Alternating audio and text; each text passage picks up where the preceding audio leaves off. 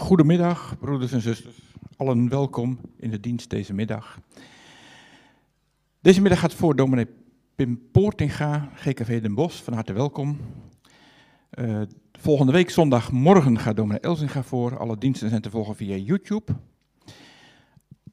Aankomende maandag zal Deo Vlende de kerkraad vergaderen in dit kerkgebouw. En de collectes zijn vandaag voor de kerk de tweede voor Kost- en Kerkverband en de derde voor de zending. En volgende week is de tweede collecte voor Vluchtelingenwerk Altena. Namens de kerkraad wens ik u een gezegende dienst.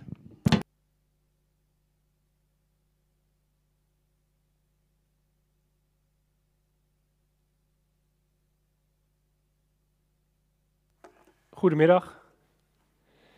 Vanmiddag lezen we over eh, Petrus die op water loopt. En we zullen kijken of uh, wij dat ook moeten gaan doen.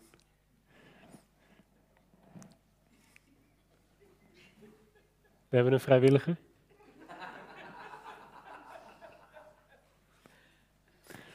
Laten we, voordat we daarin duiken, uh, beginnen met het fotum.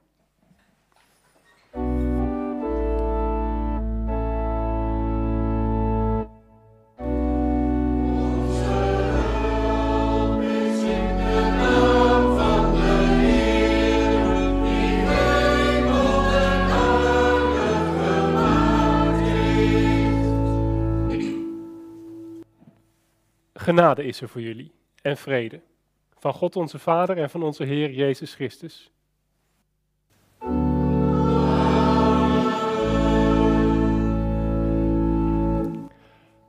Laten we gaan zingen over hoe we onze harten richten op God uit Psalm 25.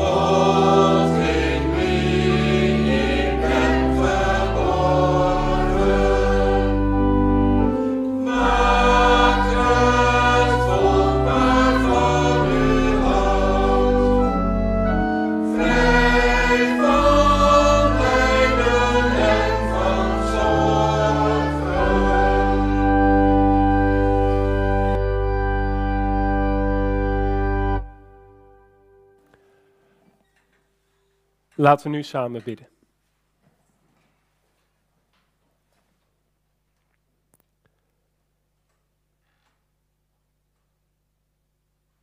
Onze Vader. We komen bij u. We zitten in de kerk en we vinden hier rust. Een lege stoel waar we op konden zitten. En we komen zo in uw wereld, vanuit een wereld waar het uh, drukker is. Waar er meer gebeurt, waar we op tv allemaal geweld zien. Vader, wilt u ons vanmiddag de rust geven? De veiligheid. Dat we meemaken dat we dicht bij u zijn. Vader, vanuit die wereld, daar uh, zien we veel ellende in de oorlog, maar ook dichterbij. Onderling maken we het ook mee. Ook als we in de kerk komen. Misschien denken we na over naast wie we wel gaan zitten en wie niet. Waar we liever omheen lopen en waar we mee praten. Vader, wilt u ons binnen laten gaan in uw veilige vrede? Doe zonder weg oordelen. En laat ons vergeven zoals u dat zelf doet. Vader, wilt u ons helpen als we de Bijbel open doen? Wilt u zorgen dat het dichtbij komt, dat de tekst van lang geleden, dat die niet op afstand blijft, maar dat we ermee aan de slag kunnen in ons leven. Dat we u niet horen spreken als een God uit het verleden, maar als een God van vandaag. Open uw woord en open alles van wie wij zijn. Dit vragen wij om Christus en zijn koninkrijk. Amen.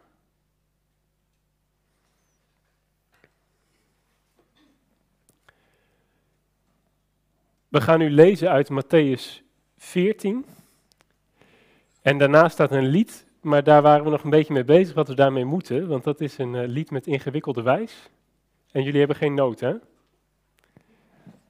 Dus ik denk dat we hem dan maar moeten overslaan. Of iemand moet een heel goed lied weten wat daar past, maar daar ben ik zelf niet zo goed in.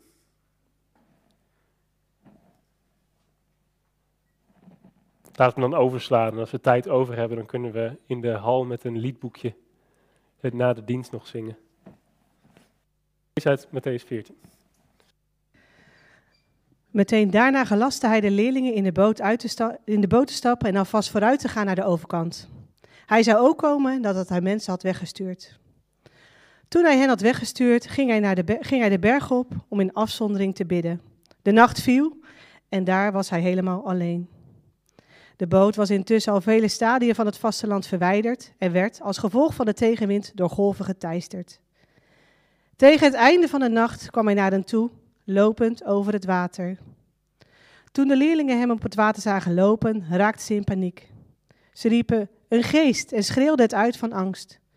Meteen sprak Jezus hen aan. Houd moed, ik ben het, wees niet bang. Petrus antwoordde, Heer, als u het bent, Zeg me dan dat ik over het water naar u toe moet komen. En hij zei, kom. Petrus stapte uit de boot en liep over het water naar Jezus toe. Maar toen hij voelde hoe sterk de wind was, werd hij bang. Hij begon te zinken en schreeuwde het uit: Heer, red me. Meteen strekte Jezus zijn hand uit. Hij greep hem vast en zei: Kleingelovige, waarom heb je getwijfeld? Toen ze in de boot stapten, ging de wind liggen. De leerlingen wierpen zich voor hem neer en zeiden: U bent werkelijk Gods zoon. Toen ze overgestoken waren, gingen ze aan land bij Genezaret. De mensen daar herkenden hem en maakten zijn komst overal in de omgeving bekend. En men bracht allen die ziek waren bij hem.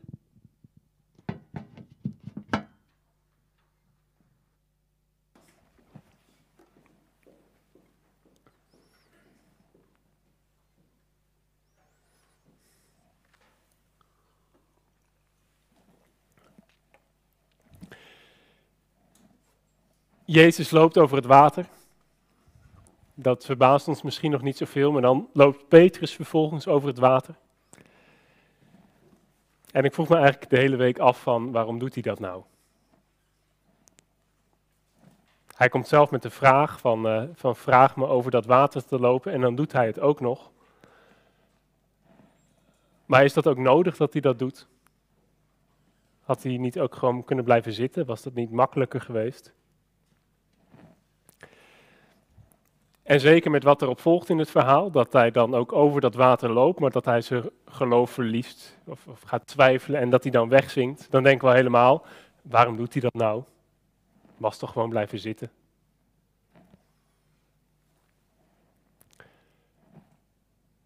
Daar wil ik het vanmiddag over hebben. Is dat nou nodig wat Petrus daar doet? Dat hij veilig in die boot zit en dat hij dan denkt, ik ga die stap op dat water zetten. En wat er meteen op volgt is, moeten wij dat dan ook doen? En wat is onze boot dan? Wat is het water? Want ik ben opgevoed met het idee dat geloof genoeg is. En dan had Petrus ook gewoon in die boot kunnen blijven zitten. Geloven dat Jezus daar over het water liep en het daarbij laten. Dus waarom stapt hij uit die boot? En moeten wij dat ook?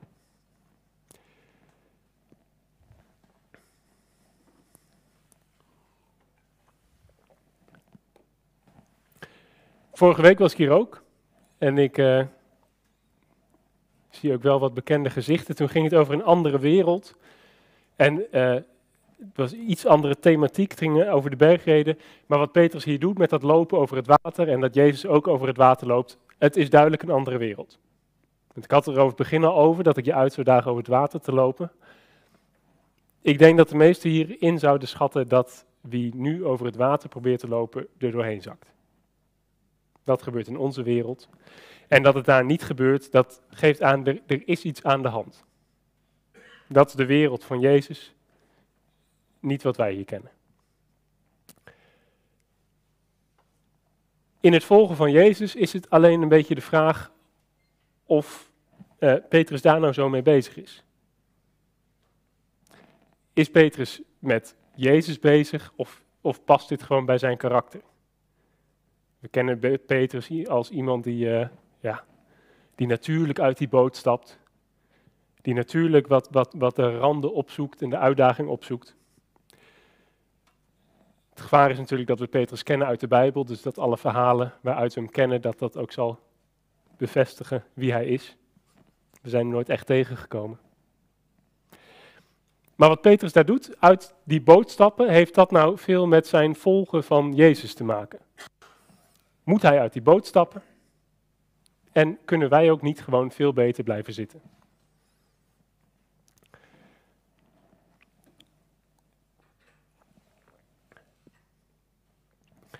Het volgen van Jezus, en als we dat verwoorden als kruis dragen, dat wordt bij Jezus al wel heel duidelijk hier in Matthäus. We hebben het begin niet gelezen, maar hoofdstuk 14 begint met het verhaal van Johannes de Doper. Die wordt uh, vermoord. Hij zat in de gevangenis en dan, uh, het is een wat gruwelijk verhaal, dat moet je thuis maar nalezen. Maar Johannes de Doper, de voorganger van Jezus, die wordt vermoord. En de leerlingen van Johannes de Doper, die vertellen dat tegen Jezus die, die zeggen wat er allemaal gebeurd is. En Jezus probeert dan op zichzelf te zijn. Hij, hij wil even stilte.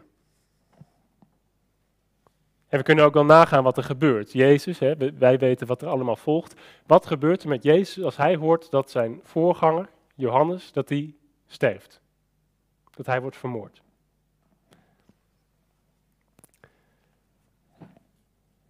Hij gaat vast denken aan wat er komt wat er op hem ligt te wachten.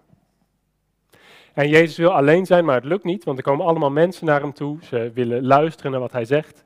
En dan komt het verhaal van de vijf broden en de twee vissen. Hij stuurt ze niet meteen weg, maar geeft ze gewoon eten. Maar op het einde van dat verhaal, dan komt wel de rust. Jezus gaat alleen op een berg, hij wil bidden. En als je in je leven een keer verder hebt gelezen in hoofdstuk 14, dan weet je ook wat volgt. En bij Jezus die op die berg gaat om te bidden, dan denken we aan de Olijfberg, waar Jezus aan de voet ook gaat bidden. Stilte opzoekt, naar God toe gaat, omdat hij weet wat er komt. Een andere berg die nog weer later is, Golgotha. dat volgen van Jezus, dat wordt wel heel confronterend als we dat bericht van Johannes de Doper zien en wat Jezus ook daarin doet. Het vooruitzicht is de dood.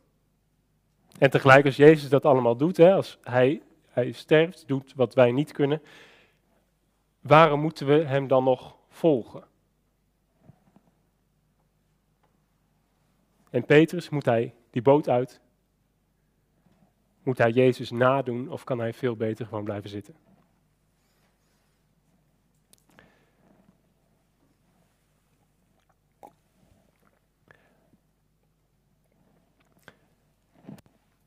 Ik ben altijd uh, opgevoed met het idee dat ik vooral moest geloven en verder vooral niet te veel moest doen.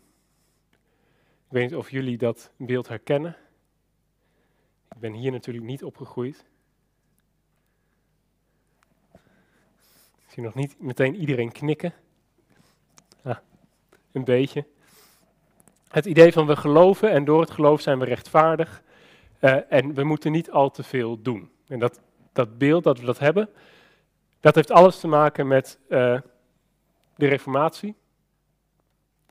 Een tijd lang geleden in de middeleeuwen, waarin mensen dachten: wij worden rechtvaardig door wat we allemaal doen.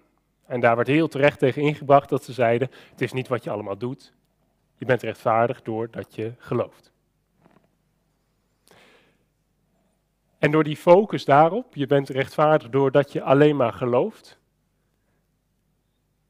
uh, ben ik in ieder geval in mijn opvoeding gaan denken dat het hele geloof is alleen maar geloven en niet al te veel doen. Maar dat beeld en die stelling, je moet vooral geloven en verder niet al te veel doen. Als je de evangelie ermee leest, als je die vragen aan Jezus zou stellen of aan Paulus, misschien zouden ze flauw vallen, maar dat idee bestaat eigenlijk niet in de Bijbel. Geloven, Jezus volgen en niks doen. Het is niet dat het niet waar is wat ze in de Reformatie zeiden, maar het heeft vooral met focus te maken. Er werd heel erg ingezoomd op één gedeelte en dat is niet alles wat uh, het geloof in Christus is. Door uh, uit te zoomen zie je meer het geheel.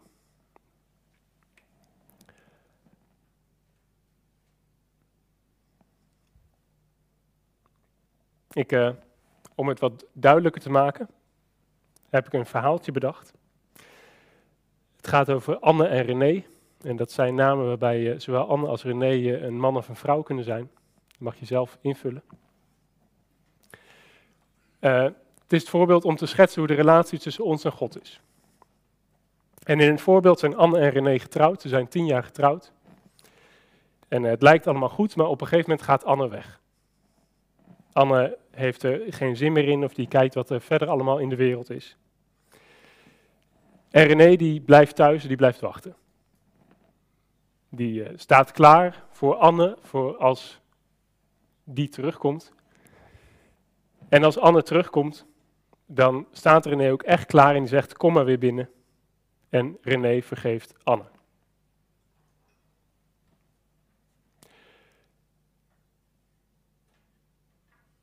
Als Anne dan thuis komt, de vergeving ontvangt van René, René zegt het is allemaal goed. En als Anne dan uh, uh, daar stil gaat staan nooit meer wat zou zeggen of meteen weer weg zou lopen, dan is die relatie of het huwelijk, dat, dat is er ook niet meer. Dat is heel gek. Op het moment van de vergeving stoppen, dat, ja, ik weet niet hoe ik het in zou vullen als het om een huwelijk gaat. Maar dat kan eigenlijk niet. En in onze relatie met God is het eigenlijk hetzelfde.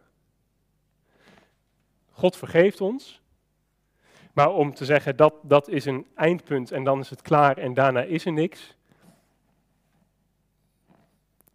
dat kan eigenlijk niet.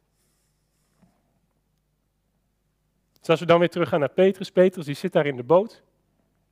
Hij gelooft, hij ziet Jezus en hij schrikt eerst, hij denkt het is een spook. En dan denkt hij toch, dit is God. En kan hij dan blijven zitten? Of moet hij toch echt die stap zetten?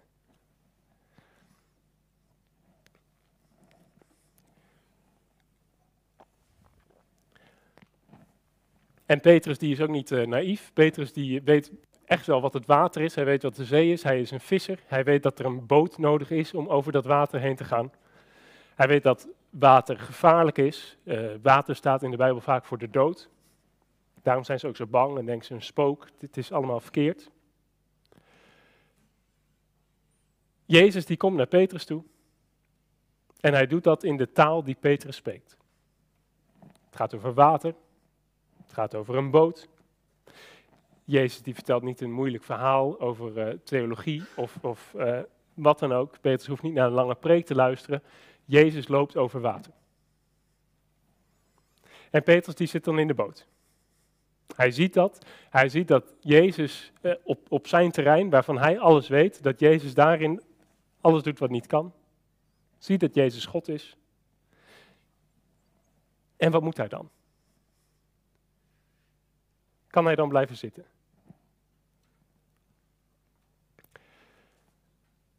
Het lijkt wat overdreven wat Petrus doet. Dat hij Jezus ziet lopen en dat hij denkt, dat ga ik ook doen. Het lijkt onmogelijk. En waarom doet hij dat nou? Ik denk dat veel van wat Jezus zegt in de Bijbel, en als we ook de bergreden erbij pakken, dat dat lijkt op dat lopen over het water. Als Jezus het heeft over het vergeven van anderen. Ja, de, de makkelijke voorbeelden zijn makkelijk, maar je komt heel snel op de grens dat je denkt, kan dat nou echt? Kun je die ander echt vergeven? Het lijkt onmogelijk, net als het lopen op het water. En met het niet oordelen. Ik denk altijd dat mij het wel makkelijk afgaat, maar op een gegeven moment ligt daar ook een grens. Dat, dat je ook al wil je jezelf niet beter voelen dan de ander, dat je er eigenlijk niet aan ontkomt. Het lijkt onmogelijk. Net als het lopen over het water.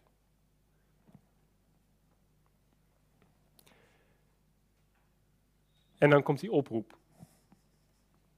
Kom uit de boot. En zet die stap. Niet omdat je het zelf allemaal kan, maar omdat je het door Christus kan.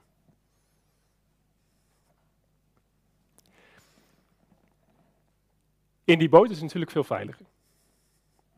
In die boot uh, zie je Petrus die stap zetten en eerst denk je nog, het is mooi dat hij dit doet. het ziet er mooi uit en je kijkt ernaar. Maar dan zeker op het moment dat hij wegzakt, dan denk je, nou, ik zit hier goed. Hij zakt er doorheen, maar ik zit veilig in die boot. Je denkt ook meteen, ik ga ook zeker niet die stap zetten. Ik blijf echt wel in die boot zitten. Je, ziet Petrus en je denkt, gelukkig ben ik niet hem. En dan komt Jezus en die zegt tegen Petrus, kleingelovige, en dan word je daar nog weer in bevestigd. Dan denk je, gelukkig ben ik dat niet, gelukkig heb ik niet het geprobeerd. Maar als we dan omdraaien en we kijken naar de mensen in de boot, wat geloven die ervan, van of dat kan en of zij dat zouden kunnen? Petrus die gaat die uitdaging aan. Hij volgt Jezus en hij loopt over het water. En hij zakt dan weg. En ik weet niet hoe, het, uh, hoe jullie het inschatten. Maar ik denk dat, uh, wat voor metafoor dan ook, als wij over dat water gaan lopen, ik denk dat we allemaal wegzakken. En onze reflex is dan om het maar niet te doen. En ik denk dat die reflex heel begrijpelijk is. Dat het heel menselijk is. En ik denk ook dat het niet nodig is. Want in het verhaal, er staat Jezus die, die onmiddellijk steekt hij zijn hand uit. Er zit helemaal geen spanningsopbouw in of wat dan ook. Voordat je denkt het gaat niet goed met Petrus, wordt die hand uitgestoken.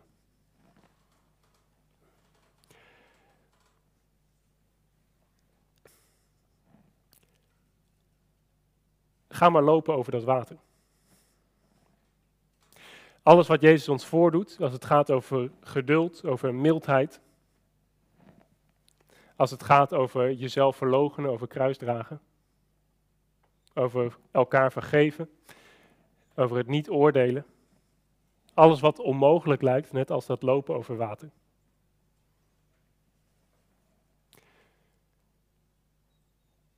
We bidden vaak ook met het Onze Vader, uw koninkrijk komen. En dat heeft alles hier weer mee te maken. Want ook die beden, uw koninkrijk komen, het gaat nooit buiten onszelf om. Het is niet iets wat we bidden zonder daar zelf betrokken in te zijn. We bidden dat zijn koninkrijk komt en daarin doen we zelf mee. Al die dingen die eigenlijk onmogelijk zijn, die kunnen wij al doen. Door de kracht van Christus in ons. En wij kunnen dan wel blijven zitten. Maar als je blijft zitten, dan uh, ja, hou je het eigenlijk bij hoe deze wereld eruit ziet. Dan kijk je om je heen en dan denk je, deze wereld is wel prima. En dat koninkrijk, misschien als ik dood ben, maar nu hoeft het nog niet.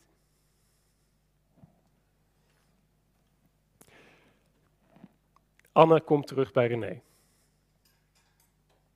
En het blijft daar niet bij vergeven, maar ze gaan samen bouwen aan die relatie. En het wordt steeds mooier. Kom uit die boot.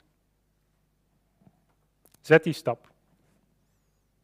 Zak door het water en pak zijn hand vast. En laat die nooit meer los. Amen.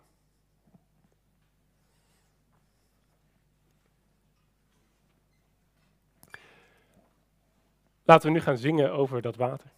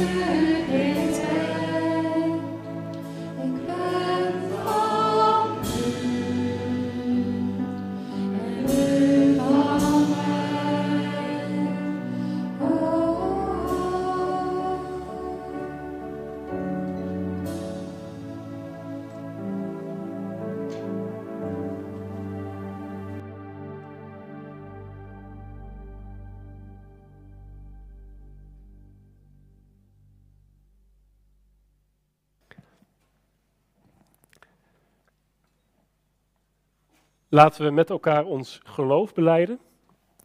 En ik had een stuk erbij uit de Nederlandse geloofsbeleidenis.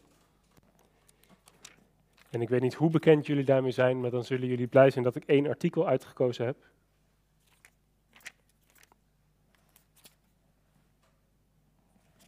Want dat is nogal lang beleidenis geschrift. En dat gaat over Christus die de wet heeft vervuld. Zullen we daarbij staan? Het is een wat uh, korte tekst. Uh, dus mocht het ingewikkeld zijn, lees het gerust na. Wij geloven dat de schaduwachtige eredienst van het oude verbond en de gebruiken die door de wet waren voorgeschreven met de komst van Christus hebben afgedaan. En dat zo aan al deze schaduwen een einde is gekomen. Daarom moeten de christenen die niet langer handhaven. Toch blijft voor ons de waarheid en de inhoud ervan in Christus, in wie ze hun vervulling hebben. Wel maken we nog gebruik van de getuigenissen uit de wet en de profeten, om ons in het evangelie te bevestigen en ook om overeenkomstig Gods wil ons leven in alle eerbaarheid in te richten tot Zijn eer.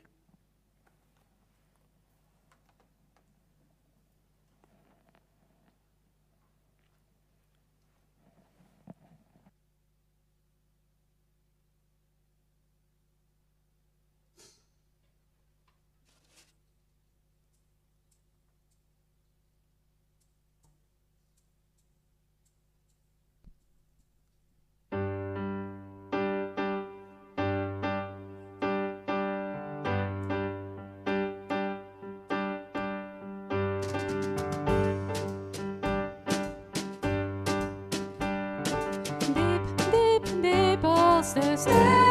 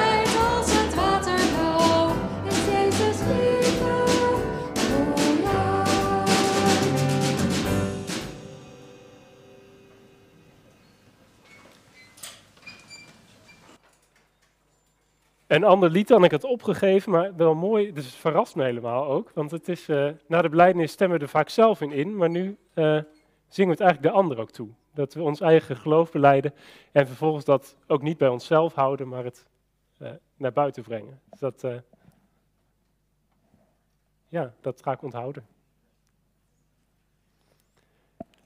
Laten we nu met elkaar samen bidden.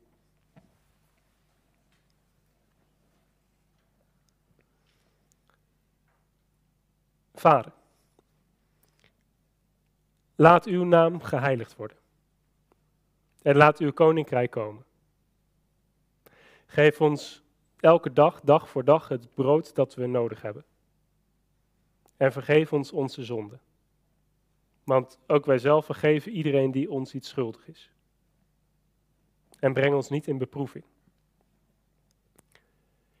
En als dat wel zo is, blijf dan dicht bij ons. Als we in ons leven worden uitgedaagd, als er door oorlog is, of dichterbij door ziekte, depressie, eenzaamheid, angst voor de toekomst en niet weten waar we aan toe zijn. En daar eigenlijk in vastlopen. Wilt u in al die uitdaging, al die beproeving bij ons zijn? Vader, we komen ook allemaal persoonlijk bij u om namen te noemen van mensen uh, waar we aan denken als het gaat over die moeite, hier in de kerk en ook daarbuiten. We bidden persoonlijk tot u als we de woorden kunnen vinden, of we zijn stil bij u.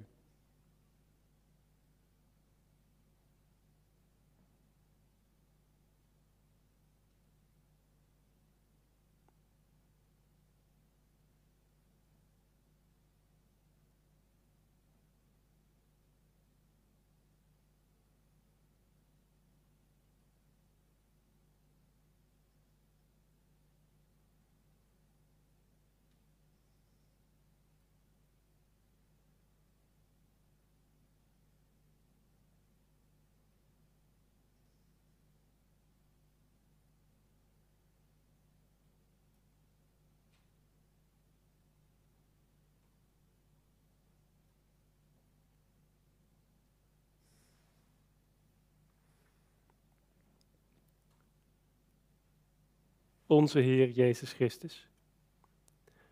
U loopt over het water en u stilt de stormen. En u overwint alles waar dat ook voor staat, de dood. Wilt u die kracht, die ongekende kracht en macht ook vandaag laten zien? In de oorlogen, de mensen die vechten en lijden, in de ziektes, de aandoeningen, alle uitdagingen waar we zelf mee te maken hebben.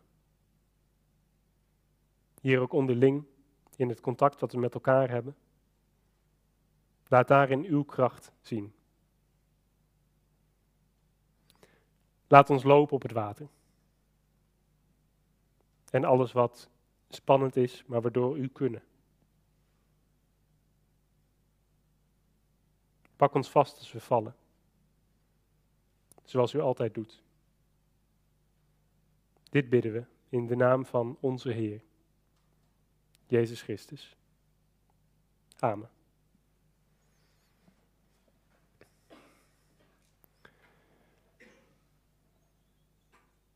Er is nu ruimte voor de collecte, maar het zijn dezelfde als ochtends, dus misschien doet iedereen dat gewoon in één keer. Of s'avonds, een vaste tijd, om acht uur na het eten. Wij gaan door met zingen. We gaan uh, zingen over God van het licht. En daarin gaat het ook weer over het water. En het water in de Bijbel, het, is, uh, ja, het, het, staat voor alle angst en de dood die er is. Misschien ken je het verhaal van Jona. Uh, Jona die uit de boot valt in het water. Dat, dat lijkt het niet zoveel voor te stellen. In de Bijbel betekent dat gewoon de dood. Op, zo, in het water, in het water, of zo in het water vallen. daarover zingen we ook in dit lied, over de gevaren van de zee, wat voor de dood staat, en God als de kust, het uitzicht waar we naartoe mogen gaan. Laten we daarover zingen.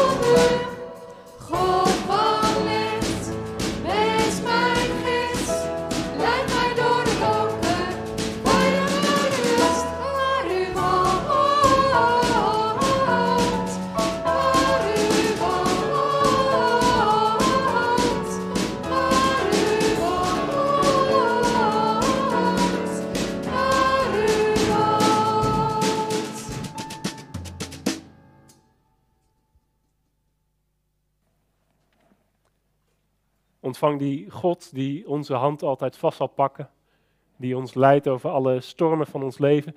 Ontvang de zegen van Hem.